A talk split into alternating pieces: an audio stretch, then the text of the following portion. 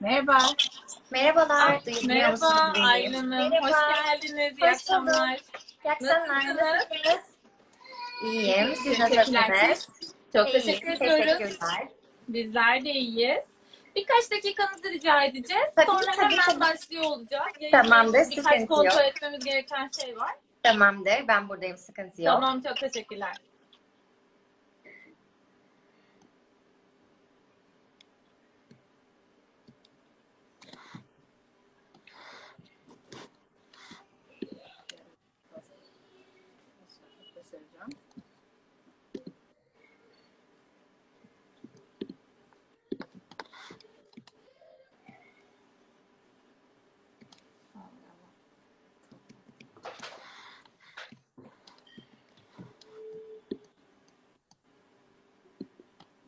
Evet. Biz de hazırız zannediyorum. Değil mi? Aynen, aynen. Tamam. Tekrar hoş geldiniz Aylin Hanım sayfamıza. Öncelikle davetimizi kabul ettiğiniz için çok çok teşekkür ediyoruz. Ben teşekkür ederim. Ee, herkese de iyi akşamlar diliyoruz. Ee, bu akşamki konuğumuz, canlı yayın konuğumuz Eko İK, İK kitabının yazarı, e, kurumsal eğitmen Aylin Diler. Ee, Aylin Hanım, geleneksel ilk sorumuz konuklarımıza kısaca sizleri tanıyabilir miyiz şeklinde oluyor. Dolayısıyla sizlere kısaca başlayarak e, söyleşimize başlayabilirsek çok memnun oluruz. Yaklaşık bir saatlik bir söyleşi planlıyoruz.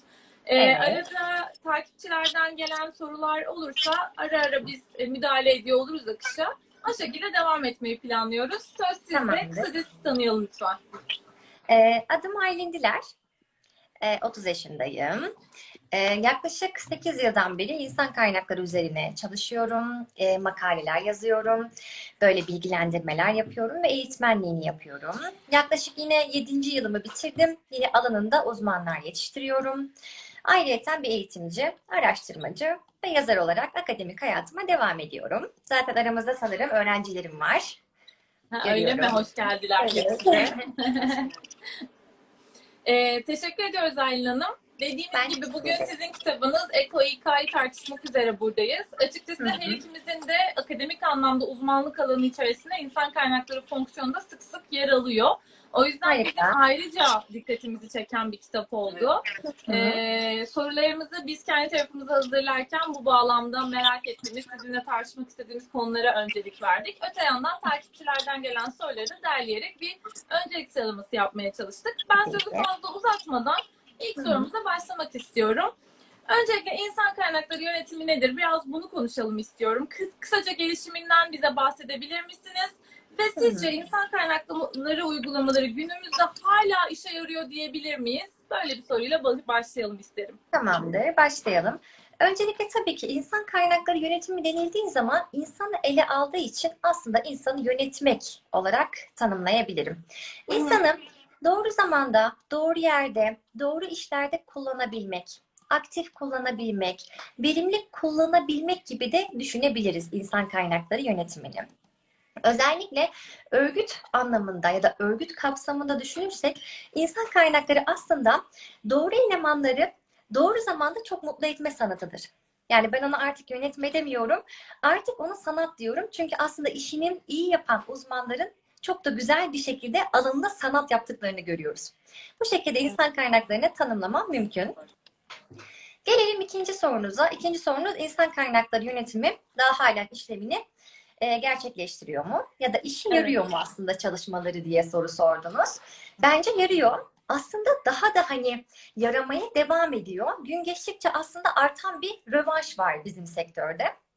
Ve gün geçtikçe daha fazla insana ulaşıp, daha fazla insanların sorunlarını dinleyip, daha fazla doğru insanları doğru yere çekebilirsek aslında daha da güzel işe yarayabileceğimizi düşünüyorum. Evet, çok teşekkür ediyorum. Çok teşekkürler. Ben teşekkür ederim. Ben de e, dünya ile biraz kıyaslamak istiyorum. E, Hı hı. dünyada dünya ile kıyasladığımızda e, ülkemizdeki insan kaynakları yönetim uygulamaları bakımından sizce ne durumdayız? Örnek de verebilirseniz çok sevinirim.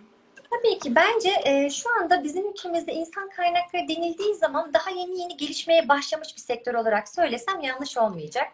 Özellikle 2000'li yıllardan sonra aslında etiket olarak insan kaynaklarını görüyoruz. Bir etiket olarak 2000'li yılların başından beri görüyoruz. Ama bunun öncesinde daha çok hani personelcilik, personel yönetimi vardı. Ama biz artık 2000 yıllardan beri aldığımız etiketi şu anda hani tam en iyi noktaya getirmek üzereyiz. Şu anda daha tam gelişmiş mi? Hayır. Ama gelişecek mi? Benim umudum var açıkçası. Tabii ki refah ülkelerine baktığımızda bir Amerika, işte bir Japonya ya da aslında toplam kayıt yönetimini ele almış ülkeler bazında düşünürsem daha henüz onların çok az gerisindeyiz. Ama bence şu anda kamusal alanda da insan kaynaklarının önemi var ve bence gelişiyor. Ülkemiz bazında da gelişiyor ama dünyaca gelişiyor ve artık bir küreselleşme var. Hepimiz farkındayız bu küreselleşmenin Evet. ve hepimiz şu anda bu saatlerde aynı anda birleşebiliyoruz. E bundan dolayı da ne yapıyoruz? Aslında onlarda olan yenilik hemen bize gelebiliyor. Bundan Evet. sonra bence daha fazla ve daha hemen gelişebileceğini düşünüyorum aslında. Ama tabii ki Evet. biraz gerideyiz. Onu da hani gerçekçi anlamda söyleyelim. Bizi etkileme hızı tabii ki geçmişe kıyasla oldukça artıyor ama belki ki. uygulamaları kendi kültürümüze, kendi kurumsal kültürümüzle harmanlayıp e, hayata geçirme konusunda belki e, Aynen. biraz zorluk yaşıyoruz diye düşünüyorum ben de. Biz genellikle onları copy paste yapıyoruz. Hani çünkü o Biraz, kültürde evet. olan bir şey ya da o şirkette olan bir şeyi ya kendi şirketimizle aynısını yapmaya çalışıyoruz ya da mesela farklı ülkelerdeki farklı uygulamaları evet kesinlikle Türkiye'de olabilir diyoruz ama ne yazık ki kendi kültürümüze onu empoze etmediğimiz için doğru sonuçlar alamıyoruz. Aynen. Aylin Hanım şimdi kitabınızın da kapağında e, göz dikkatimizi çeken Eko İK, e, ekolojik İK kavramıyla birazcık Evet. devam edelim istiyorum. Hı hı. Ee, öncelikle Eko İK modeli nedir? Biraz bunu açıklayabilir misiniz? Ve günümüz koşullarıyla değerlendirdiğinizde tabii alışık olduğumuz tradisyonel bir İK uygulaması var birçoğumuzun ülkemizde gözlemlediği.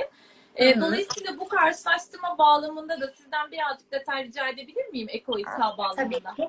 Aslında Eko İK kitabıma verdiğim bir örnekti. Hani Eko Eki aslında daha böyle minimal, daha böyle hani herkesin okuyabileceği cep kitabı gibi düşünmüştüm. Sonradan aslında ekolojik bir bilgi bilimi ya da ekolojik dengeyi düşündüm ki günümüzdeki o salınım vardı. Dedim ki neden ekolojik İK olmasın ki? Evet ekoyu da alıyor. Zaten Hı. eko dediğimiz şey sürdürülebilir olmak demek. E bizim işimizde de her zaman bu böyle değil mi? Her şeyin sürdürülmesine bakıyoruz. Evet bu bugün var ama yarın da olabilecek mi acaba? Yarın ben bunu koruyabilecek miyim? Ya da ben bunu iyi bir şekilde muhafaza edebilecek miyim? Aslında en temel anlamı buydu. O yüzden de devam ettirebilmek. Bizim hep misyon ve vizyon kavramlarımız var ya. Ve o vizyon Evet. kavramını ele alarak aslında ekolojik dengeyi de sürdürebilmek. Çünkü her şirketin kendi bazında bir çevresi var.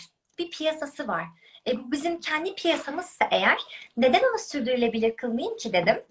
Bu yüzden de aslında hem böyle daha her şeyi özet geçebileceğim, insan kaynaklarını daha böyle yalın anlatabileceğim bir kitap olduğu için de ekolojik İK olarak adını koydum. Bilmiyorum hoşunuza gitti mi? Okurken. bayağı da ilgimizi de çekti. Detaylı araştırdık da hem kitabınızdan hem de ilgili akademik e, literatürden. E, aslında karşılığını oldukça veren bir kavram olmuş bize göre kitabınızdaki Evet, anlatımda Ama da. gerçekten. O yüzden evet o yüzden de ilgimizi oldukça çekti. Hatta bu bağlamda bu soruyu sormak istedik. Tradisyonel boyuttaki İK ile karşılaştırdığınızda aslında bu modeli nasıl konumlandırdığınızı da merak ediyoruz. Eko İK Evet. kavramını. Hı hı. Şimdi şöyle aslında Eko İK'yı biz birazcık daha böyle postmodern bir İK gibi düşünüyoruz. Ama sizin Evet. dediğiniz aslında gelenekselci tutumu birazcık daha geride bırakıyoruz. Ve ben dedim ki artık zaten bir pandemi yaşadık ve neyin ne olduğunu anladığımız bir süreç. Ve artık her şeyi daha böyle yalın, daha böyle sade ve aslında her şeyin anlamını. Mesela biz artık ekolojik dengenin anlamını bile çok iyi biliyoruz ki günümüzdeki sorunlar mesela iklim değişikliği olabilir, küresel değişiklikler olabilir. Bu tarz anladığımız bir dönemden geçtiğimiz için bana kalırsa artık eskinin yanı sıra yeninin isteğini istiyoruz. Yani yenileşmek, yeni olmak, yeniden bir dizayn istediğimiz için aslında ben o yüzden hani gelenekselci tutumu silip artık yenine yeni bir ekolojik dengeli bir şirket kurabilir miyiz gibi düşünmüştüm. O yüzden başlayan bir aslında bir yazıydı ve pandemi sürecinde başlamıştım. O şekilde düşündüm. Hani gelenekselcilik artık orada bir kalsın ama artık her şey yeni. Biz zaten Evet. şöyle bir süreçten geçtik. Sizler de zaten bunu yani izleyenler de bir fiil hepimiz biliyoruz. Evet. Aslında biz böyle e, reaksiyonda olan bir dönem vardı. Aa geçebilir miyiz? yapabilir miyiz? E-çalışma olabilir mi? Ya da böyle hani her şey e-ticarete geçebilir mi gibi düşündüğümüz bir süreç vardı. Fakat birden biz kendimizi aksiyonda bulduk. Her Aynen. şeyin aksiyonunda, hani reaksiyondaydı ama aksiyondayız artık. Hani geleneksel bir şekilde gidiyordu. Geleneksel tutumlar, geleneksel ma- materyaller ya da uyguladığımız tüm programlar ama artık gitmiyor. Artık hepsi birden sıfırlandı. Yani biz bunu 20 yılda bir hani gidebileceğimiz süreci 3 ayda yaşadık. Buna bize pandemi gösterdi. O yüzden artık hani gelenekselcilik bana çok uzak geliyor. Ki hepimize çok uzak geliyor kurumsal anlamda. Ki eskiye dönmek bana çok zor geliyor. Bilmiyorum hani sizler de işin içindesiniz biliyorsunuzdur mutlaka. Çok zor geliyor yani. Bayağı tartışacağız birazdan pandemi bağlamında da bu Evet. konuyu. Onunla ilgili de hem fikirlerinizi merak ediyoruz. Biz de tabii paylaşmak istiyoruz. Bu yorumunuza e, ben de şahsen katılıyorum. Aslında o potansiyelin uzun süredir bence iş hayatı olarak bütün paydaşları farkındaydık. Ama o potansiyelin bu şekilde aksiyona geçebileceği geçebileceği. yönünde birçok e, tarafta kaygılar vardı belki de. Sadece bu pandemi her şeyi çok hızlı hale getirdi. Çünkü çok kısa bir sürede inanılmaz büyük dönüşümler yaşamak zorunda kaldık. E, o yüzden de artık tradisyonel bazı şeyleri konuşmaktan çok uzağız. E, ama Hı hı. bunu biraz sonra yasaklayalım yo- yorumlarımızı. E, çünkü onunla ilgili güzel sorular derledik. Evet, senle devam edelim Burcu. edelim. Ee, Aylin Hanım, e, kitabınızda İK personelinin öncelikli amacının insana dokunabilmek olduğundan Evet. bahsediyorsunuz. Hı hı. Ve e, bu anlamda da belli istatistik sonuçları var. Ama Evet. e, bunu da çok doğrulamadığından da aslında e, bahsediyoruz. Hı hı. Neden böyle düşünüyorsunuz? E, neden paralel değil? Yorumlayabilirseniz çok sevinirim. Tamam. Çünkü neden paralel değil? Şöyle hepimiz henüz hani tam anlamıyla insana dokunamıyoruz. Tam anlamıyla mesela bir evet bir çalışanımız var ve onun mesela sorununa tam olarak inemiyoruz. Evet biz her zaman böyle hani daha böyle grup babında, daha böyle takım olarak düşünüyoruz değil mi? Mesela bir örgütte her şey daha takımsal, daha grupsal denildiği gibi. Ama aslında bireysel. Biz şunu bilmiyoruz. Birey ne istiyor? Bunu neden istiyor? Ve ben bunu ona nasıl yapabilirim? Ya da biz aslında bazen empati kuramıyoruz. Hani şu duygusal zeka diyoruz ya her zaman. Bazen onu tam olarak oturtamıyoruz. Ya da belki duygusal zekaya sahip de olamayabiliyoruz. O yüzden hem personelcilik daha henüz bitmedi. Dünya genelinde bitmedi.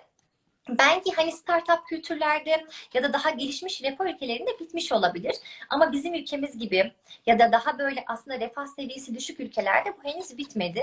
E, öyle olunca ne yazık ki henüz biz daha tam anlamıyla çalışanımızı anlamıyoruz. Hani çalışandan ziyade aslında tam anlamıyla biz insanları bile hani insan olduğumuz halde onun köküne bile inip insanı anlayamıyoruz. O yüzden hani bu sonuca birazcık hani geride kaldım diye söyleyebilirim. Ben buradan konuyu kuşaklara getirmek istiyorum. Ee, Tamamdır. ilginç bir dönemden geçiyoruz. Dört kuşak Evet. aynı şirkette şu an Evet, çalışıyor vaziyette aktif evet. olarak e, çalıştığını gözlemlediğimiz ilginç bir dönemden geçiyoruz. Şimdi bunun bir av- avantaj ve dezavantajı olduğuna inanıyorum şahsen ben ama bu konudaki sizin yorumlarınızı öncelikle merak ediyorum. Sizce bu farklılık işleri daha mı kolay hale getirdi? Yoksa daha kaotik bir sürecin başlangıcında mıyız? E, İK boyutundan da düşünürsek acaba işler kolaylaştı mı yoksa daha mı zorlaştı? Nasıl değerlendiriyorsunuz? Ee, şimdi zaten kuşak dediğimiz şey hani böyle hem X kuşağımız var hem Y kuşağımız var hem de Z kuşağımız var şu anda ki Z kuşağı da artık yavaş yavaş için içerisinde bulunuyor. E, baktığımızda bir kuşak çatışması var. Ve bu çatışmalar gerçekten bizim işimizi zorlaştırdı. Hani eskiden Evet. tabii ki sadece X ile uğraşıyorduk. E sonra Y geldi. E şimdi zaten Z işin içerisinde. Z çok farklı bir kuşak. Aslında baby Öyle- boomerslar da hala e, Efendim? baby boomerslar da sanıyorum hala Evet, aktifler evet, diyebiliriz. O yüzden Ama ben artık dört son artık emeklilik zamanlarına gelmiş. Kariyerinin son maraton dönemlerinde onlar da var Evet. tabii ki. Ama yine de bizim şu anda aktif olarak hani gözlemlediğimiz X kuşağı, Y kuşağı Evet. ki yeni yeni Z kuşağı var ve dediğiniz gibi yine bir önceki kuşak da var ama çok nadir olarak artık biz onları mentor olarak daha uzmanlaşmış kadro ve emeklilik aşamasında olarak düşünebiliyoruz. Ama tabii ki hani bu kuşak çatışması biz eğer hem sosyolojik hem de psikolojik boyutlarda bakarsak bizi çok uğraştırıyor. Açıkçası benim en fazla hani uğraştığım alan kuşak yönetimi. O yüzden gerçekten bizi zorluyor kuşaklar yönetimi. Çünkü X kuşağı farklı bir yapıda. Daha böyle hani e, itaatkar, daha böyle hani daha böyle mutlu aile, mutlu kavram, hani daha fazla böyle hani eskiden erkekler çalışır, kadınlar evdeydi. Böyle bir kuşaktan bahsediyoruz. E sonra ne oldu? Ki zaten X e, kuşağı dediğimiz kuşak baktığımızda 1965 ve 1979'ları kapsayan bir kuşak. E, 1979 ya da 1965 ve 1979 e, insanlarına baktığımızda aslında orada siyasi olayların çalkantıda olduğu, daha suskun oldukları, daha itaatkar oldukları ve daha geleneksel aile tipinin olduğu bir dünyadan bahsediyoruz. Ama ne oldu? Gitgide kadınlar devreye girdi. Kadınlar iş yaşamına başladı. E sonra yavaş yavaş aslında Y kuşağı aldı yerini.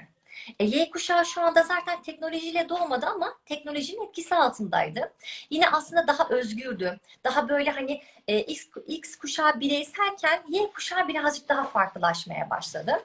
E, zaten Z kuşağı dediğimiz kavram daha da özgürleşmeye başladı. Özgür bir kuşaktan bahsediyoruz. Ve hani X kuşağı gibi asla aynı değiller ya da ondan öncekiler gibi. Y kuşağı da çok farklı. E, yani denildiği zaman aslında Z kuşağı çok daha farklı ve yeni gelebilecek kuşak daha da farklı. Yani o yüzden çok ciddi anlamda bir çatışma var bizde. Bakalım ne olacak. Ki belki hani Senkronizasyon, senkronizasyon nasıl sağlanacak? Çünkü gerçekten beklentiler çok farklı. Yani hani bir input var, bir de bir çıktı var beklenen.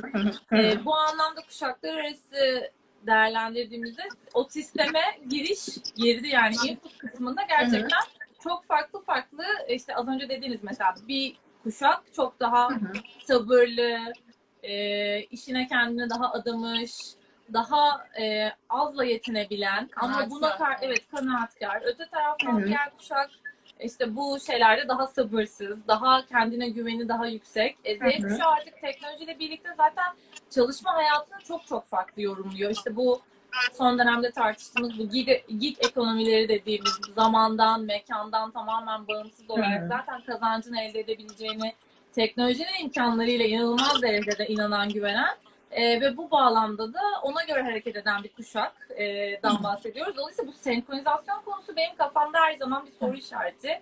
E, sizin bu bağlamdaki e, fikrinizi çok merak ediyorum. Yani eğitmen ve danışman olarak hani bu senkronizasyonu nasıl sağlayacağız kısa vadede? Orta yolu nasıl bulacağız? Aslında orta yolu bulmak şöyle hani bir arada bir rekabet unsuru oluşuyor. Hani biz onlarda birazcık çatışıyoruz. Çünkü X, Y Evet. ve Z'nin aralarında bir rekabet oluşuyor. Yine onlara baktığımız zaman niteliklerini ayırmak ya da aslında daha çok hani performans dengeleri dahilinde böyle hani performanslarını kuşaklara ayırarak hani onları hep sınıflandırarak böyle ölçmeyi ve ona göre kariyer planlamaları yapmalarını istiyoruz. Yine baktığımda çalışanlar ya da hani kuşaklarına baktığımızda onları ayırarak bölüm gibi, departmanlık gibi ya da deneyim gibi ya da eğitim yönetimleri gibi hep farklılaştırarak aslında onları bir arada tutabiliriz ama farklı anlamda aslında yönetebilme yolunu gidiyoruz. Çünkü arada ciddi bir çatışma var ve baktığımda o rekabeti ele alabilmek ya da aslında o verimliliği ele alabilmek onları daha çok böyle hani birazcık sınıflandırarak farklı Hı. olduklarını, farklı ihtiyaçları olduklarını ya da onlar farklı bir şeyden motive olabileceklerini düşünüyoruz. X farklı bir şey onları mutlu ediyor çünkü. Y farklı, Z de farklı. O yüzden onlara karşı aynı motive eğitimlerini veremem. Aynı teşvik edici olan unsurları onlara veremem. O yüzden farklı farklı vererek aslında onları iş süreçlerine dahil etmeye çalışıyoruz. Ama tabii ki X kuşağı mı, Y kuşağı mı yoksa bu Z kuşağı mı? Hani onlara bakarak aslında sınıflandırarak ilerlememiz gerekiyor. O Anladım. şekilde düşünüyorum. Teşekkür ediyorum. Aylin. Çok teşekkürler. Ee, Ben yine kitabınızdan bir alıntıyla devam etmek istiyorum. Evet. Ee, ünlü filozof Adam Smith'in e, bir alıntısı. Ee, çalışkan ve tutumlu bir köylünün e, Avrupalı bir prense kıyasla daha üstün özelliklerinin olabileceğinden bahsediyor. Hı hı. Ee, bir köylünün hayatını e, kendi kendine idame ettirebilme becerisine sahip olmasına karşın bir prensin e, onca im- imkana rağmen e, beslenmek gibi e, temel bir işini bile yerine getirmek için bir başkasının yardımına ihtiyaç duyduğundan bahsediyor. Evet. Şimdi e, bu durumu değerlendirdiğimizde günümüz modern iş dünyası birazcık e, bu prensin hikayesi gibi sanki. İşte başarısı ve yüksek performansı takımın çabasına bağlı. İşte iş bölümünün öneminin olduğu bir temel üzerine kurulu yeni dünya. Sizce bu durum e, yakın zamanda, yakın gelecekte e, değişecek mi? İşte dönüşüm çağının sonu ne olacak? aslında dönüşüm olmuş gibi. Artık biz iş bölümünü ve uzmanlaşma fikrine çok yakın bakıyoruz aslında ve günümüzde hani çok öyle hani monarkın bir egemenliği yok. Evet bazı şirketlerde bu tarz hani insan kaynaklarına delegare eden böyle monarklar var. Onları biliyoruz ama hani günümüzde bence dönüşüm oldu. Dönüşüm çok uzun yıllar önce oldu. Çünkü biz artık iş bölümünü biliyoruz. Uzmanlaşmanın önemini biliyoruz.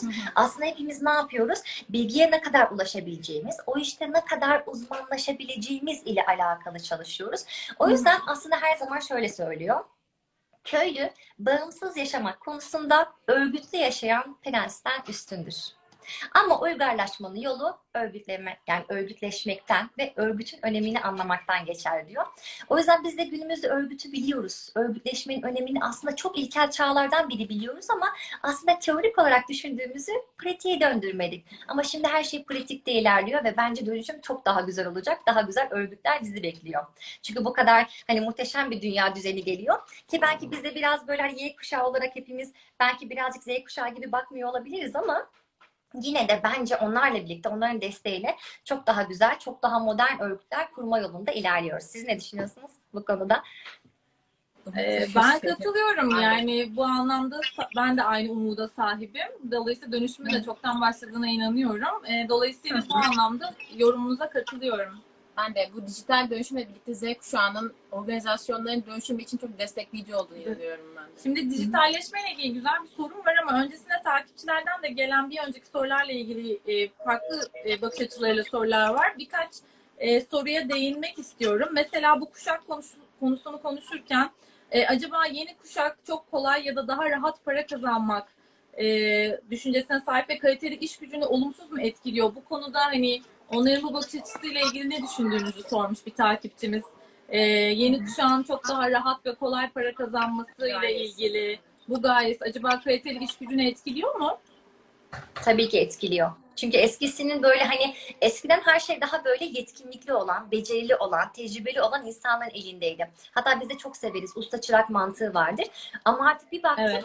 hani çırak daha üstte. Çünkü daha kolay, daha teknolojik, daha teknolojiyi biliyor ve hemen ulaşabiliyor. Ki günümüzde zaten her şeyin artık e-sisteme döndüğünü düşünürsek bence artık ne yazık ki hani deneyim, tecrübe ya da böyle hani işini iyi yapan insanların yanı sıra daha çok akıllı olan, daha çok küreselleşme etkisini bilen, kendini geliştiren insanların elinde gibi düşünüyorum. Evet. Bir soru da küreselleşmeyle ilgili. Küreselleşmenin hız kesmediği dünyamızda insan kaynakları tanımının gideceği ye- yer ne olabilir diye sorulmuş. Güzel bir soru bence. Ee, Hani insan kaynaklarının değişimiyle ilgili konuştuk aslında ama küreselleşme boyutunda bir de değerlendirmenizi alabilir miyiz sizin de? Yani zaten küreselleşme bizim aslında şu dönemde postmodern bir İK'ya dönmemizi sağladı. Küreselleşme aslında bizim dünyanın neresinde olursa olsun bir şeyin ya da bir bilginin ya da güzel bir programın hemen bize gelmesi, bizim hemen ona ulaşmamızı sağlıyor. Tabii ki küreselleşmenin bazı pozitif etkileri varken negatif etkileri de var.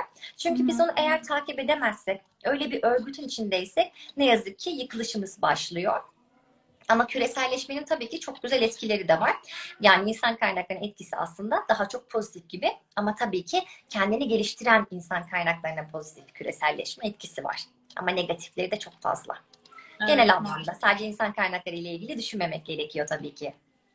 Aynen. Doğru. Şimdi bilgi çağının başlaması ile ilgili zaten günümüz iş dünyasında birçok uygulamanın farklılaştığını zaten uzun zamandan beri pandemiden de bağımsız olarak söylüyorum. e, tecrübe ediyorduk, gözlemliyorduk.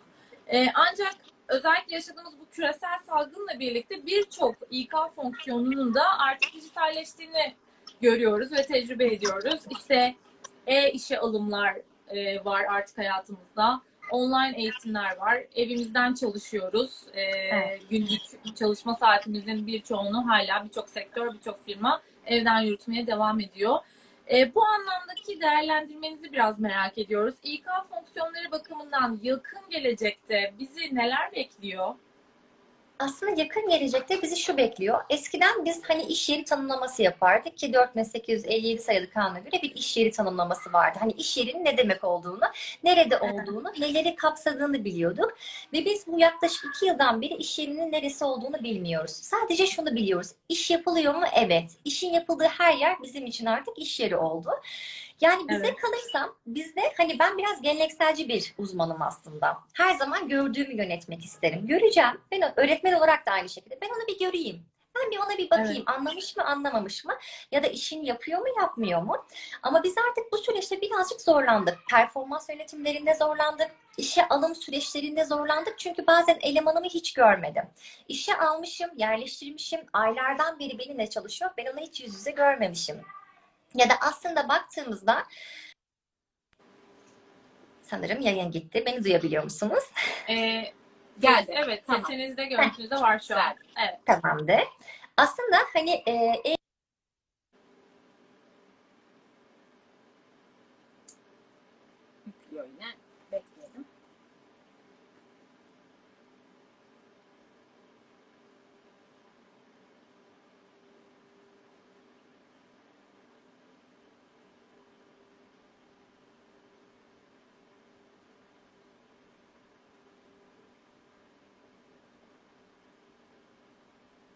davet mi göndersek? Ee, düşmediği için şu an gönderemem.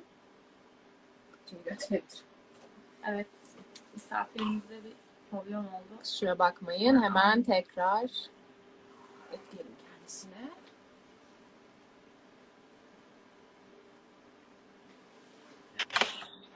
geldi mi? Geldi. Tamam. Sanırım biraz takılıyor gibi hissediyorum. Çünkü sürekli donuyorsunuz ve sanırım ben henüz gittim yayından. Ve Şu ana kadar hiç olmamıştı aslında. Evet, ilk kez yaşadık ama Evet, evet. şu an iyi. Siz bizi duyuyor musunuz? Tamamdır. Görüntüde de sorun Şu yok. anda evet ben Tamam, görüyorum, süper. biliyorum. Bizde de sorun yok. Tamam. Ee, en son ne konuşuyorduk? En son siz işe alınan bir kişiyi hiç görmeden işe alıyorum Evet. dediniz ve oradan sonrası gitti bizde. Hiç evet hiç görmüyoruz. Tabii ki bu birazcık hani bizim yönetimimizde birazcık böyle hani Türk bazında düşünürsek, Türk kültürü bazında düşünürsek biraz yadırgadık. Ama yavaş yavaş artık hani böyle sisteme dahil olmaya, aslında kendi içimizde daha güzel böyle hani e, programlar üretmeye ya da aslında işin içinde olmaya çalıştık. Tabii ki zor, zor oldu. Hani açıkçası hani buna e, bunu yürüten şirketler vardı. Uzaktan çalışma, esnek çalışma vardı tabii ki. Hatta bu zaten Avrupa Birliği'nin e, telekomünikasyon gibi bir anlaşması vardı. Tam adını şu anda bilemedim. Onun bir anlaşmasıyla aslında böyle bir esnek çalışma vardı. Fakat onunla birlikte biz aslında bu sürece dahil olmuştuk. Ama tabii ki buna e, katılamayan, bunun içinde olamayan ve aslında bizi iyi yönetemeyen e, ya da uzaktan çalışma sistemi içerisinde olamayan çok şirket vardı ve onlar sınıfta kaldı. Ama tabii ki içerisinde çok iyi yönetilen şirketler de vardı. Var. Aynen. İnternetim biraz gidip geliyor ama sanırım beni duyabiliyorsunuz Bizim için sorun yok ama siz Tamam. Şu anda Ha, evet okey. ses azıcık Tamam. gelip azıcık gidiyor. Şu anda sıkıntı Öyle mi? duyuyorum. Yani bize hiçbir yansıması olmuyor ama şu an duyabiliyorsunuz değil mi? Şu anda duyuyorum evet. evet Süper. Tamam. duyuyorum. Hemen sorumu sorayım o zaman. Tamam. Ee, Hemen alayım. işte günümüzde e, birçok ulusal ve uluslararası kurum e, sistemsel bakımdan artık oturmuş, e, herkese kabul görmüş, belli başlı yetenek yönetim e, ölçüm metotları kullanıyor. Hı E, hı. bu metotların etkinliği hakkında biraz konuşabilir miyiz? Nasıl değerlendiriyorsunuz? Hala etkin mi onlar? Yeterli mi? Hı hı. Aslında şöyle bizim en fazla kullandığımız bir yetenek ölçüm metodu var. Buna Hı biz hı. dört adım yaklaşımı diyoruz aslında. Hı hı. Hani dört adımda aslında o kişinin yeteneğini anlamak ve bir profil çizmek. Çünkü bizler her zaman bir şirket bazında iş gören seçme ve yerleştirme aşamasında şunu düşünürüz. Ee, bir kişinin tecrübesine dayalı olarak ya da aslında onun yetkinliğine, yeteneğine dayanarak işe uygun mu değil mi? Ve her zaman iş profili yani iş ile o kişiyi optimum dengede birleştiriyoruz. Bu yüzden de optimum dengenin kurulması çok önemli. Çünkü artık biz eskisi gibi adamı gözünden tanımıyoruz ki. Böyle bir sistemde artık insan kaynaklarını düşünemeyiz. O eskinin personelciliğinde kaldı. Biz adamı gözünden tanımak değil aslında yıllarca yanımızda dursa onu çok fazla tanımıyoruz. Bu yüzden tabii ki yetenek ölçüm metotlarını uyguluyoruz ve tabii ki bizim en fazla kullandığımız dört adım yaklaşımı var. İşte bunun bir tanesi profil belirliyoruz. Ki bunu zaten Hı hı. işi iyi tanımlamak. İlk olarak işi tanıyoruz. Ve iş ne? Ben bu işi yapabilmem için ne kadar tecrübeye ihtiyacım var? Ben bu işi yapabilmem için hangi programı kullanmam gerekiyor? Ben bu işi yapabilmem için hangi üniversiteden mezun olmam gerekiyor? Hangi bölümden mezun olmam gibi. Ki bunları zaten iş analizi raporlamalarıyla yapıyoruz. Ve sonra onları ölçüyoruz. Sonra onları iş kişiyle eşleştiriyoruz ve sonra son adım aslında onları geliştiriyoruz. Ve her süreçte bir çark gibi düşünün. Geliştirerek yeni bir süreç başlıyoruz. Ve o çark asla bizde dönmüyor. Süreklilik arz eden bir departmansa eğer ya da aslında bu departman iyi bir şirket kültürüyle yaklaşıyorsa o çarkı her zaman döndürüyoruz. O çark döndükçe de biz tekrar bu dört adım yaklaşımını işliyoruz. Sadece yetenek yönetimini işe alımlarda gerçekleştirmiyoruz. Performansta, kariyer planlamada ya da aslında onun performans ölçülmesinden sonraki süreçlerde terfisine, rotasyonuna ya da işten çıkarılmana kadar gelebilecek süreçlerde biz yetenek yönetimlerini kullanıyoruz. O yüzden seviyoruz yani aslında genel anlamda. Aylin Hanım ben sıradaki soruya devam etmeden yine takipçilerimizden az önceki uzaktan çalışmayla ilgili bir soru gelmiş. Verimliliğiyle Hı hı. ilgili. Sizce uzaktan çalışma iş yerindeki e, çalışma verimliliğini olumlu ya da olumsuz anlamda etkiliyor gibi bir şey söylememiz mümkün mü? Yani nasıl değerlendiriyorsunuz? Bence mümkün. Bence işi bilmem lazım. Hani sektöre göre ve işe göre değişecek. Şimdi evet bu işte Hı. e, verimlilik düşük derim ama bazı işte verimlilik yüksektir. Bazı işlerde gerçekten verimlilik alındı ama bazı işlerde ne yazık ki uzaktan çalışma yürütülmedi. O yüzden işi bilmem lazım bu soruya cevap vermem için. Sektör iş bir de belki biraz o organizasyonun kültürünü de bilmek gerekiyor bu anlamda. Değerlendirebilmek için. Tabii ki. Şimdi e, kitabınızda bizi bekleyen bir tehlikeden bahsetmişsiniz. Orada diyorsunuz ki beyin işi ve beden işi kutuplaşması sebebiyle orta sınıfın zayıflaması gibi bir Hı hı. tehlike bekliyor bizi. Bu konuyu açar mısınız? Aslında biz tehlikenin her zaman yani böyle geçmiş dönemdeki o kültür, işçi kültüründen biri sahibiz. Ve gerçekten de zaman geçtikçe hani bizim o e, beyin gücünü öne alıp aslında emek gücünü yani o emeğin gücünü biraz alaşağı etmemiz kavramı vardı. Ama şimdi e, bu emeğe verilen güçlendiriyoruz, emeği güçlendiriyoruz ve yüksek kesimi güçlendiriyoruz. Orta hiyerarşi kesimini aslında birazcık daha böyle sınır dışı ediyoruz. O yüzden bu tehlike var. Her zaman var. Hani biz bazen hep böyle iki kutuplaşırız değil mi? Her zaman ya işçinin tarafındayızdır ya Hı. üst hiyerarşinin ama en üst hiyerarşinin tarafındayızdır. Orta sınıfı hep unuturuz. O yüzden şimdi tehlike daha da derinleşiyor. Çünkü her zaman mesela bir sendikalaşma var. Aslında bir olayın ilerisine gittiğimizde hep alt kademe düşünülür ya ve alt kademenin hakları düşünülür. Hep orta sınıf birazcık daha böyle düşünülmez. Ya da aslında biraz az yönetici ve orta yöneticiler üst yöneticiye göre çok güzel değerlendirilmez. İşte bu yüzden baktığımızda biraz orta sınıfın tehlikesinden bahsettim ki aslında geçmişten gelen bir şey ve bugün aslında o tehlike daha da fazla ilerliyor. Tabii ki bu belki o agresif tutumdan da olabilir ya da aslında hani bu tarz sendikalaşma ya da örgütleşmenin sadece üst ve alt dengesini kuramamasından orta sınıfın tam ortada durup düşmesinden kaynaklı da olabilir gibi düşünüyorum. Evet. Doğru. Teşekkür ediyorum. Çok Teşekkürler. teşekkürler. devam edelim. Tamamdır. Ben biraz dijital devrime tekrar dönmek istiyorum.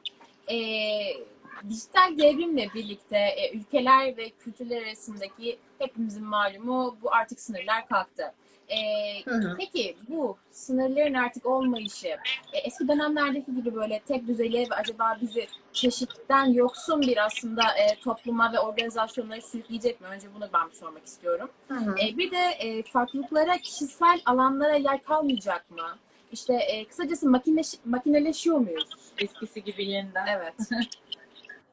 Şöyle aslında e, bizim küreselleşme dediğimiz dengede aslında insan arasında sınırlar e, kalktı ve çalışma dengesinde de sınırlar kalktı. Mesela hani dünyanın başka bir yerinden başka bir ülke için iş yapabiliyoruz ya da oradaki işimiz her anlamda etkin olabiliyor.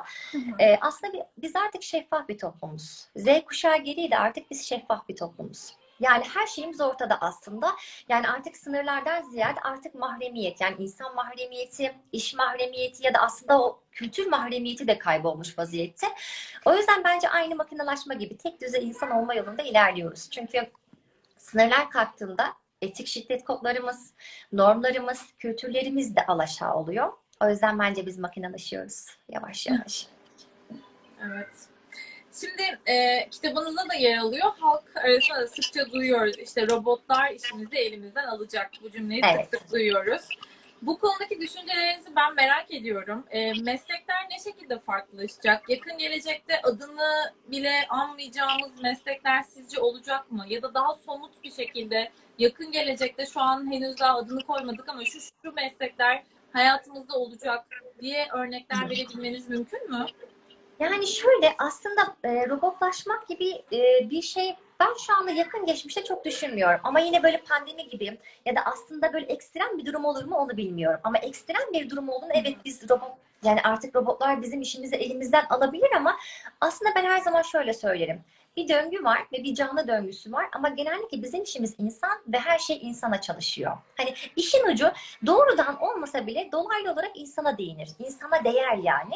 O yüzden robot aslında robotu yapan, üretenler de insan ve yine baktığımızda yine onun döngüsünü gerçekleştirecek olan da insan. O yüzden bir yerde insana ihtiyaç her zaman olacak bence. Dünyanın belki çok uzun yıllar sonrasında eğer tabii ki bir döngü olmazsa, bir yıkım ve yeniden düzen başlamazsa bence bu çok da mümkün değil gibi düşünüyorum. Çünkü insan hayatın her evresinde vardı ve hayatın her evresinde bence olacak. Siz ne düşünüyorsunuz peki? Yani sizin Evet, hakkınızda. evet. Ya önce şeyi sormak istiyorum. Çok somut bir şekilde şu meslekler yakın gelecekte artık hayatımızda olmaz diyebilir miyiz? Örnek veriyorum. Ee, bizim şu anda anladığımız anlamda akademisyenlik yani derse gir, bir hoca olarak fiziken bulun, bir şey anlat ya da ne bileyim bankacılık mesela. Çok daha onlar da artık dijital bir dönüşümün içinde Tabii. örnek veriyorum. Hı hı. Yani bu anlamda bir mesela çok daha somut bir düşünceniz var mı? Şu şu meslekler bence yakın gelecekte e, anlamını yitirecek gibi. Tabii. Şimdi şöyle kendi mesleğimden hani mesela birazcık eğitimcilikten bahsedeyim sizin örneğiniz gibi ki bankacılık zaten onlar hani yavaş yavaş geçiyorlardı zaten. Pandemi çok Evet. fazla etkilemedi. Hatta daha da hızlandırdı geçmesini ve geçtiler. Ama eğitmenlik birazcık daha böyle yüz yüze yapılabilecek tarzda hani daha hani böyle yüz yüze yapılabiliyordu. Sınıflarda yapılabiliyordu. E, biz artık interaktif eğitime döndük ve ben şöyle yapıyorum mesela kendimden örnek vereceğim. 10 saat ders anlatıyordum mesela diyelim ki 3 günde. E, ben artık onları e, kaydedip öğrencilere gönderiyorum ve sınırsız öğrencim izleyebiliyor. Ben artık hani 3 günde bir 10 saat ders anlatmıyorum. Mesela ne oldu? Mesela benim iş görevimi benim kaydım aldı aslında. Hani bu açıdan düşünürsek evet yavaş yavaş mesela 3 tane öğretmene ihtiyaç duyuyorsak bir tane öğretmene ihtiyaç duyacağız. Ya da Evet. bir tane eskiden 10 tane banka şubesi varsa bir tane banka şubesi temsilen orada duracak gibi düşünebiliriz. Ama Ben- tabii ki hani daha böyle farklı hani robotların yerini alacak mı? Alır ama çok daha yakın geçmişte değil. Yani hep tümüyle bahsedersek hayır ama yavaş yavaş alacak ama tümüyle alması bence çok imkansız gibi düşünüyorum ben. Evet. Ben de şey okumuştum e, bu korku üzerine. E, evet belli iş kollarının insan etkinliği azalacak ama insanlar için de yeni iş kolları ortaya çıkmak zorunda. Yani aslında bu buhar makinesiyle birlikte olan devinim de aynı şey olmuş. İnsanlar işlerini kaybetmiş ama sonrasında farklı kollarıyla yine o devinim devam etmiş. Yani o yüzden dünyada insanın etkinliği azalacak, robotlar hakimiyet kuracak gibi korkular aslında çok da böyle yerli olmadığını söylüyorlar. Ama Evet. tabii ki hepimiz göreceğiz. Biz görür müyüz bilmiyorum ama. Ee, ben soruyorum değil mi? Evet. Tamam. Ee, şimdi ben birazcık pandemiye aslında değinmek istiyorum. Ee, bu dönemde hepimiz gördük ki küçük, orta, büyük, pek çok ölçekli e, organizasyon e, işte teknoloji sayesinde, teknolojinin de yardımı sayesinde e, aksamadan evlerinden de yapabildiklerini gördüler. Hepimiz gördük. Hı hı. Sizce e, pandemi sona erdiğinde de biz hemen eski usulüne döner miyiz? Yoksa yaşadık ve gördük, biz bir şekilde hala hayatta kalıyoruz deyip bir şekilde devam eder miyiz? Bence artık hani e, yeni gelen bir düzenin eskiye dönmesi çok imkansız. Her zaman böyle, tarihte de böyle olmuş. Hani hiçbir zaman eğer bir reform varsa geriye asla dönülmemiştir. Çok nadir hani böyle ekstrem bir radikal karar varsa evet. Hem siyasi konjektürde hem ekonomik konjektürde ya da aslında tüm konjektürlerde düşünürsek bence biz bunun tadını aldık. Hani biz hani diyorum ya reaksiyonda olanı aksiyona geçirdik. Bence şu anda aksiyondayız ve ilerleyeceğiz gibi düşünüyorum. Çünkü artık hani e, teknolojiyi çok fazla kullanamıyorduk eskiden. Aslında kullandığımızı düşünürken ya da yapabilir miyiz gibi sorusu varken artık yapabiliriz. Onu gördük aslında ve bir şekilde ilerliyor. Şu anda mesela neredeyse 150 kişiyiz. Hepimiz bir anda durabilir miyiz şu koşullarda? Evet. Biz bunun güzelliğini gördük aslında. Ki yavaş yavaş görmüştük zaten. Teknoloji evet çok güzel bir şey, çok tatlı bir şey, bize çok güzel geliyor demiştik. Ama sonrasında bunu çok farklı olarak gördük ve evet buradan da çalışabilirim. Ben mesela hani evimden de yapabilirim. Mesela anneli olan iş görenlerimiz bunu çok söyledi. Ya ne kadar iyiymiş dedi. Hani gerçekten ben bunu yapabiliyorum. Ama normalde zorunlu olarak işe gelmek zorundaydı o kişi. Artık o zorunluluğu birazcık yavaş yavaş hani kalkabilir. Hani gene biz getirelim ama bir şey olursa gene çalıştıralım mantığı geldi bence. Bence biz bunu çok güzel gördük gibi düşünüyorum. Ben de HBR'de bir e, yazı okudum yeni. E, Hı. Amerika'da bir araştırma yapılmış. E, çalışandan %40'ı tamamen organizasyonlarımıza geri dönelim ve her gün çalışalım sistemine e, Evet. eğer zorunda kalırlarsa istifa edeceklerini söylemişler. Çok ciddi bir oran. Neredeyse yarıya yakın çalışan. Artık dünya buna alışmak durumunda. Yapacak bir şey yok. Ama şimdi mesela bir takipçimiz yazmış. İnsan kaynaklarında anahtar kelime kesinlikle liyakat, liyakat, liyakat. Bunun gerçekten çok önemli olduğunu düşünüyorum ve mesela en çok kafamı kurcalayan konulardan biri de bu. Sizin de fikrinizi almak isterim. E şimdi günümüzde bence o performans değerleme yöntemlerinin de çok ciddi bir şekilde gözden geçirilmesi gerekiyor. Çünkü bence de iş hayatında liyakat çok önemli. Çok önemli. Ee, ama öte yandan bunun buna bakış açısı, bunun ne derece önemseniyor olacağı, olduğu, e, çalışanların neye göre işe alınıp, neye göre değerlendirip, neye göre ilerleyebildikleri, bilecekleri konusunda çok ciddi bence şu anda bu geçiş sürecinde kafa karışıklıkları, sistemsel karışıklıklar var. Dolayısıyla bu anlamda İK fonksiyonuna çok ciddi bir rol e, düşüyor, görev düşüyor diye düşünüyorum. E, ama bu bağlamda sizin de fikrinizi merak ediyorum. Yani bu dönüşümün beraberinde yapılması gereken de aslında e, bu manada çok şey var ve bunlar nasıl olacak? Çok bu anlamda kafam net değil açıkçası. Evet, bizim de çok net değil aslında ama yavaş yavaş aslında şu iki yıllık bir süreçte yavaş yavaş oturulmaya başlıyor. Zaten aslında hani doğru kişiyi yerleştirmek dediğimiz kavram tabii ki liyakat ilkesiyle önemli. İnsan kaynakları Evet. her ilkesinde aslında ya da her işlevinde bu var bu. Terfide de liyakatli olması gerekiyor. Rotasyon yapıldığında da yani yeterli olmak demek aslında. Bir işte bu kişi yeterli mi? Hani bunu tabii ki şu anda belki yüz yüze yeterli olduğunu anlayamazsın ama bizim artık şu dönemde yaptığımız testler var. Yaptığımız e, testlerin sonuçlarını aldığımız bir materyaller var. Ya da bizim artık dediğindiği gibi az önce yetenek yönetimlerimiz var aslında ki bunları onlar da yapabiliyoruz. Ya da onları aslında ben onu görmesem de onu ölçebiliyorum aslında. Bir takım testlerle ya da bir takım görüşmelerle ya da bir takım anlamlandırmalarla. O yüzden bu dönemde tabii ki liyakat çok önemli ama hayatın her döneminde liyakat çok önemliydi. Şu dönemde değil sadece bence. Tabii tabii. O yüzden Evet. tabii ki Tabii ki bunun için daha fazla aslında daha fazla uğraşıyoruz. Hani çünkü bazen yüz yüze görmek liyakat için önemli olabilir ya. Ama uzaktan da nasıl görebiliriz? Ya da onun çünkü onun çalışmasını yeterli mi o işte? Bunu ölçmek çok zor. Yani şu dönemde benim en çok zorlandığım şeylerden bir tanesi de performanslarını ölçmek aslında. E, sürekli Evet. bilgisayar başındayım. Normalde sürekli onları görüyordum. Evet çalışıyor, saatinde yerinde oturuyor, kalkıyor, ara dinlenme süresi böyle.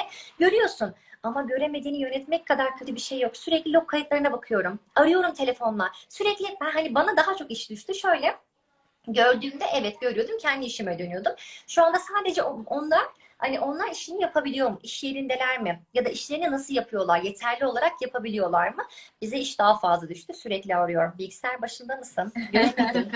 e, ne yaptın? Bakamadım. Hadi bir kamera açalım bir bakalım beraber çalışalım diye 2-3 kat daha arttı aslında. Yükümüz arttı. Evet evden çalışmada herkes aynı şeyden şikayetçi. İş yükümüz Hı hı.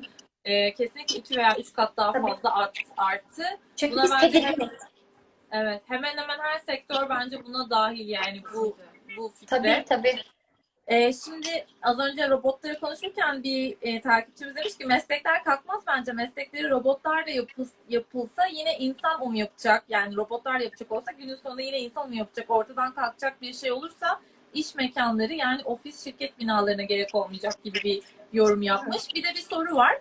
Ülkemiz pandemi sürecinde insan kaynakları alanında diğer ülkeler arasında ki farkı nelerdir? Yani bizim ülkemizdeki sanıyorum insan kaynakları uygulamalarını sormuş. Aslında bunu söyleşinin başında biraz konuşmuştuk ama pandemi açısından değerlendirmemiştik. Hemen hemen zannediyorum e, tabii siz detaylı bir şekilde cevaplarsınız ama paralel bir şekilde dünyayla aslında İK aynen. yürütüyoruz Tabii, yani çünkü online için? olarak bildiğimiz için aynı devam etti. Ama tabii ki bazı ülkeler bu süreci daha iyi yönetti. Hani daha böyle hani teknoloji destekli, daha gelişmiş oldukları için, daha altyapıları sağlam olduğu için ve esnek çalışmaya bizden çok daha önce geçtikleri için. Ya da bazı şirketler desem daha doğru olur Doğru, aslında. aynen öyle. E, bilgisayar başında olan kişinin çalıştığını düşünmek handikap değil mi diye bir yorum gelmiş. Ee, evet sadece bilgisayar başında olmak yetmiyor galiba. Ee, bilgisayar başında ne yaptığını bilmek de önemli. Biraz vicdanı da bırakmak lazım galiba çalışanlar. Evet, evet, aynen. Biraz vicdan muhasebesi kuruyoruz o burada. Şimdi şöyle, ben zek e, kitabınızda çok çok detaylı yer alan zeka tipleri konusu var. Bayağı e, yaklaşık 15-16 tane farklı zeka tipinin tüm olumlu, olumsuz, güçlü, zayıf yönlerine kitabınızda yer vermişsiniz. E, son dönemde oldukça popüler olan, bizim de gündemimizde sıklıkla yer alan kitaplarını okuduğumuz, tartıştığımız duygusal zeka hı. konusuna konuyu getirmeye çalışıyorum. E, eskiden hep işte e, evde yani duygularını işe karıştırma, evle işi birbirinden ayırt et, işte evde bir sorun yaşadıysan o duygu halini işe getirme falan gibi e, klasik bildiğimiz şeyleri duyardık. Gerek yöneticilerimizden gerek çalışma arkadaşlarımızdan. Şimdi sanki biraz daha duyguları kabul etmenin o kadar da kötü bir şey olmadığına yönelen, evrilen bir bakış açısına sahibiz. Sanki iş dünyası da öyle. Bu konuda ne düşünüyorsunuz? Değerlendirmelerinizi merak ediyorum. Ve duygusal zekanın başarı üzerindeki etkisine inanıyor musunuz? Nasıl değerlendiriyorsunuz bu konuyu? Ee, şimdi tabii ki eskiden e, IQ vardı. Her zaman hatta hayatımızın her alanında bir IQ vardı. Entelektüel zeka. Ve aslında onun hani bir insan zeki ise iş yaşamında çok da mutlu olabileceğini, çok da iyi işler yapabileceğini düşündük ve hep zekalarını ölçtük. Ama günümüzde artık yeni bir, hatta günümüz demeyelim ama yaklaşık böyle son 20 yıldan beri çok popüler aslında ama son 5 yılda top noktasını varmış bir zeka var. Duygusal zeka. Yani Evet. EQ olarak e, tanımladığımız duygusal kat zekası. E, şu anda tabii ki hani e, bir araştırma sonuçlarına göre IQ'su yüksek olan kişilerin işteki verimliliğini %20 olarak tespit etmişler. Geri kalan hepsinin %80 oranında hepsini duygusal zekasının yüksek olan kişilerdeki çalışma verimliliğine bakarak aslında görmüşler. O yüzden biz tabii ki hani eskiden e, zeka ölçüyorduk ama zeka dediğimiz kavram aslında zihinsel gelişim süreciydi. Çünkü ben şu anda 30 yaşındayım ama 35 yaşında farklı olabilir belki. Mesela 40 yaşında daha farklı olabilir gibi düşüncesi gelişim süreçlerini almıştı. Ya da mesela hani 1 yaşında çocuk ya resmen 15 yaşında düşünür gibi düşüncesiyle bir zeka testi tertip edilmişti. Ama bunların araştırma sonuçlarına göre çok da yerinde olmadığı ya da işte çok da verimli olmadığını düşünmüşler. Bazı işler zeka gerektiriyor biliyoruz. Evet. Ama her iş zeka gerektirmiyor. Bunu düşünememişler. Bu yüzden de tabii ki hani e, yani duygusal zeka dediğimiz zeka birazcık daha içsel. Daha empati kurulabilirsi, daha duyguların kültü. Hep diyoruz ki biz kalplerin kültü. Ve o yüzden aslında düşünebilme, düşünebiliyor musun? Hayal kurabiliyor musun? Ya da sen aslında karşındakini hissedebiliyor musun? Bizim işimizde en önemli şey bu değil mi sizce? Karşımdaki insanı ben ne kadar hissediyorum? Ben onu iyi tanıyabiliyor muyum? Eğer onu iyi hissedersem onun ne olduğunu bilir, onu daha iyi yönetirim. Bu yüzden bizim işimiz içinde ya da diğer tüm işler için de duygusal zekanın önemi çok yüksek bence ki başarıda da bence %80 oranında bir oranı var. Ve tabii ki biz bir bütün olarak zekayı kendi içine sınıflandırıyoruz aslında. IQ'da böyle değil. Çok mantıksız. Hani onun bir gelişim süreci var. Ona inandık. Ama duygusal zeka sayısında öyle değil ki. Bakıyoruz kendi içerisinde biz onu sınıflandırıyoruz aslında. Ve sınıflandırarak onu içselleştirerek onu işteki verimliliğiyle ölçüyoruz. Bence gerçek anlamda iş yaşantısında duygusal zekanın oranı çok yüksek. Yani şu dönemde özellikle bir de. Hani postmodern bir dönem yaşıyoruz.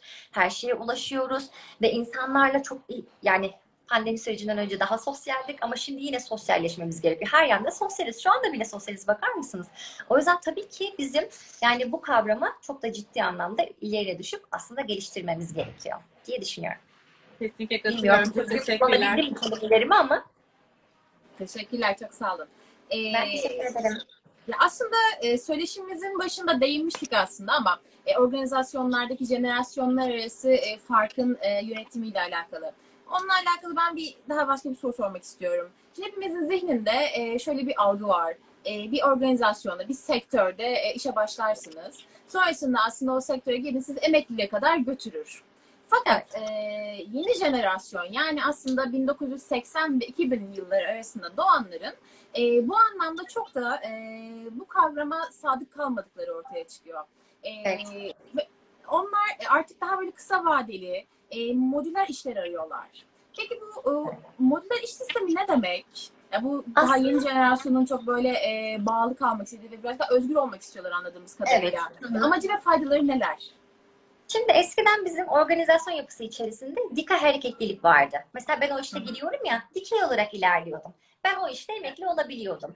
Ama günümüzde artık performans yönetim sistemleri var ve gelişmiş performans yönetim sistemleri var. Onun akabinde kariyer yönetimleri var. Aslında benim performansım o işte iyi değil belki ama benim dikey hareketlilikten ziyade yatay hareketliliğe ihtiyacım var. Yani benim A işinden B işine geçebilirim. Belki A işinde göstermediğim performansı ben B işinde göstereceğim. Yani biz eğer fırsat verirsek bir iş görene aslında o kendini daha çok geliştirebilir. Eskiden evet monoton bir iş yaşantısı vardı ama artık bizim organizasyonlarımızda dinamik bir yapı var. Hareketliyiz.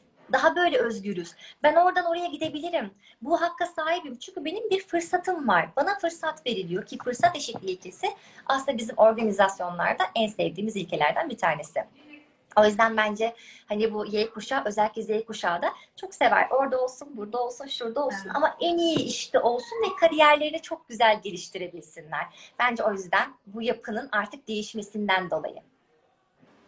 Ben az önce duyguları sordum. Şimdi de hatayı soracağım. Şimdi hata konusunda da yine e, gerçi günümüzde araştırmaların birçoğu hatayı e, öğrenim sürecinin bir parçası olarak artık görüyor, kabul ediyor ve biz bunu biliyoruz şu an. Ama eskiden şirketlerde hata yapmaktan oldukça kaçınılırdı. E, ama şimdi hepsi olmasa da birçok şirketin e, hata olmadan büyük başarıların olmayacağını inandığını biliyoruz. E, meselenin hata yapmak değil, hatalardan öğrenmek olduğu yönündeki yaklaşımlarını benimsediklerini biliyoruz. Dolayısıyla bu konuda ne düşünüyorsunuz? E, bunu merak ediyoruz açıkçası. Aslında günümüzde bizim hani insan kaynaklarından dolayı içerisine aldığımız bir strateji var. Toplam kalite yönetimi stratejisi ve onun akabinde Japonların çok güzel bir stratejisi var. Kaizen. Ki bunu çok güzel böyle şemsiyeyle de anlatırlar. Tatlı tatlı dinleriz. Yani aslında sürekli iyiye gitmek ama sürekli iyiye giderken de tabii ki hatalar olacak. Ya da düştükleri zaman onları kaldırmamız gerekecek. Ve bu arada insan hatayı kaç kere yapabilir gibi sorgular, sorgulamışlar. Ve insan hatasını yaparak, yaparak, yaparak, yaparak ama aynı hatayı ama farklı hata yaparak aslında sonuca ulaştığını görmüşler. Ve burada tabii ki bir sürekli iyileştirme, geliştirme ve eğitim politikası var. Eğer bunları doğru yaparsak bence hatalardan da ders alırsak bence çok da doğru yere gideceğiz. O yüzden insanlar hata yapabilir. Çünkü biz bir insanız ki. Ve biz artık şunu biliyoruz. İnsan sosyal bir varlık. Evet. İnsan bir makine değil. E bu yüzden tabii ki hata yapacak. Ki makineler de hata yapabiliyor. Ama insandan daha hata yapabiliyor. O yüzden biz insan olduğumuz için hatalardan dolayı aslında bunun bir hani eğitimini, bunun bir sürekli geliştirme felsefesi içerisinde olan bir sekme gibi düşünürsek aslında çok da doğru sonuçlar alabiliriz. Hatta eskiden e, büyükler şey derdi, aklıma o geldi size anlatırken.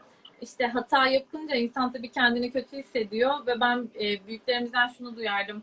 E, çalışan insan, üreten insan hata yapar. Hani çalışmayan insan, üretmeyen insan herhangi bir şey yapmadığı için onun hatası da söz konusu olmaz. Dolayısıyla bu bakış açısıyla aslında eskiden beri toplumda da yani bakış açısını değerlendirirsek hatayı teşvik etmek demeyeyim ama hata yapmaktan çok da korkmadan o hatalardan öğrenerek ilerlemenin aslında çok da kötü bir şey olmayacağıyla olmadığı ile ilgili bir empoze vardı ve ben de gerçekten bu yaklaşıma oldukça katılıyorum.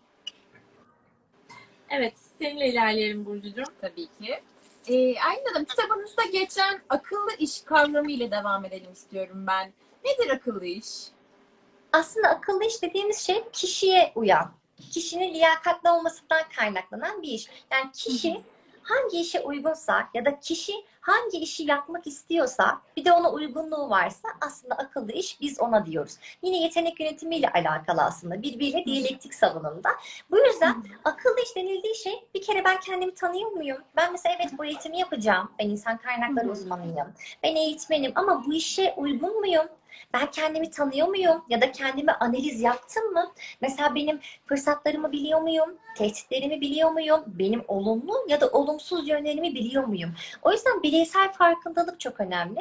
Ve biz akıllı iş kavramında şöyle değişen kariyer modelleri tertip ediyoruz. Yani bir uyum. Kişiye uyum. Optimum dengeyle birleştiriyoruz ve aslında yine insan kaynaklarının üç ilkesini burada ele alıyoruz. Doğru zamanda doğru kişi, doğru iş felsefesi. O yüzden akıllı iş bizim aslında en mekanizmamızda. Çünkü bir başlangıçtır bu. Kişiye göre iş ve ondan sonrasında aslında bizim tüm işlevlerimiz ele alınır.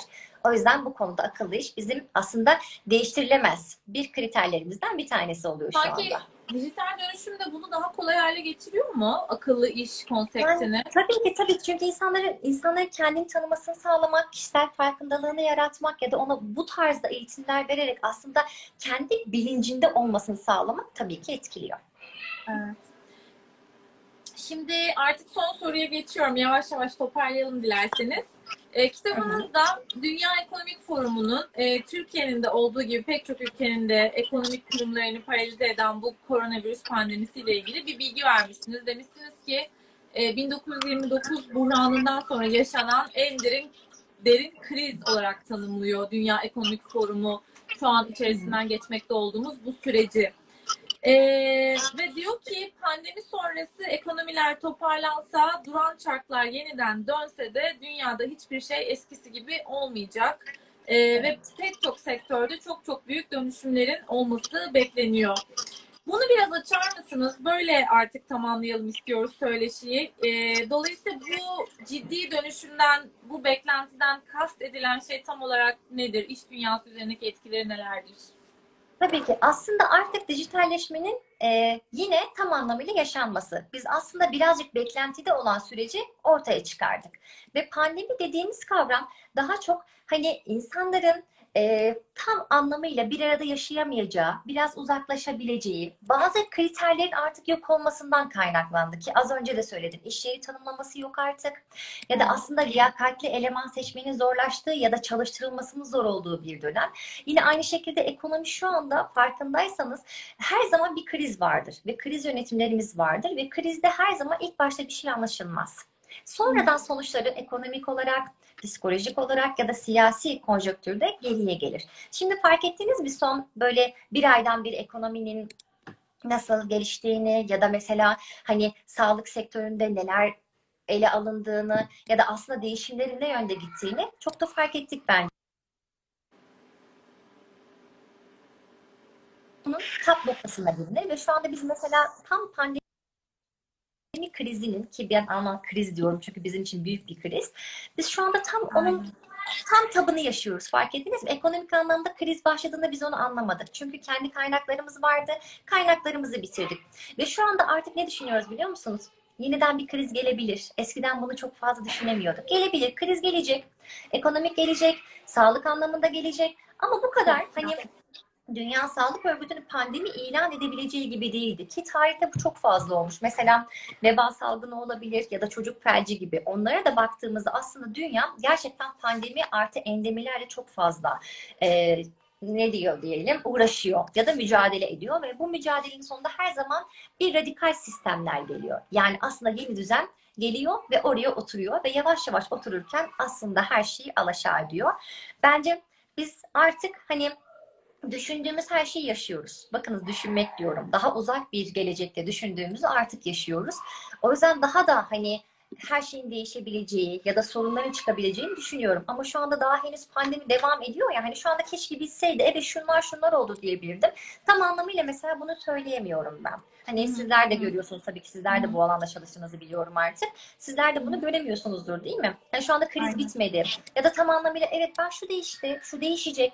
Değişiyor. Şu anda her şey değişiyor. Ve şu anda tam görüyoruz aslında. Tam bir ay, belki bir buçuk aydan beri tam görüyoruz. Hani çözülüş sürecini görüyoruz. Hem siyasi konjonktürde hem ekonomik konjonktürde hem de yönetim konjonktüründe görüyoruz aslında ama daha göreceğiz bence. Hani daha en azından şöyle mesela hani ben hep böyle yeni çağ yeni adetler dedim ama hani kitabımda da bu şeyi aç- açmıştım, başlığı açmıştım.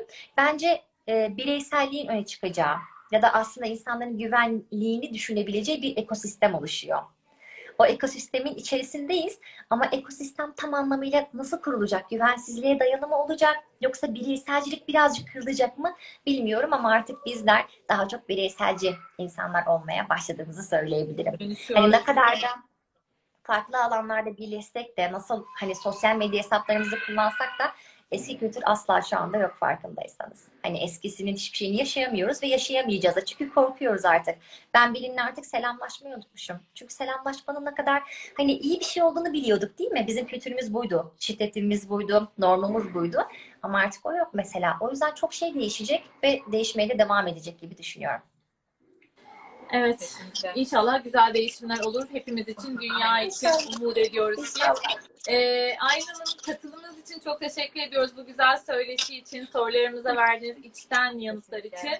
Ee, söyleşimizle ilgili çok çok daha detayları e, Sayın yazarımızın Aylin Diler'in e, kitabı Eko İK'da bulabilir takipçilerimiz, ilgilenenler, daha farklı e, konularla ilgili detay almak isteyen, örneklerle ilgilenmek isteyen herkese de önerimizdir. Biz okuduk, çok beğendik. Kesinlikle. Kaleminize sağlık. Tekrardan çok, Çok teşekkür, teşekkür ediyoruz. Katılımınız teşekkür için. Sizlerle olmak çok Görüşmek güzel. dileğiyle. İyi akşamlar diliyoruz. İyi akşamlar. Herkese de iyi akşamlar diliyoruz tüm takipçilerimize. Hoşçakalın.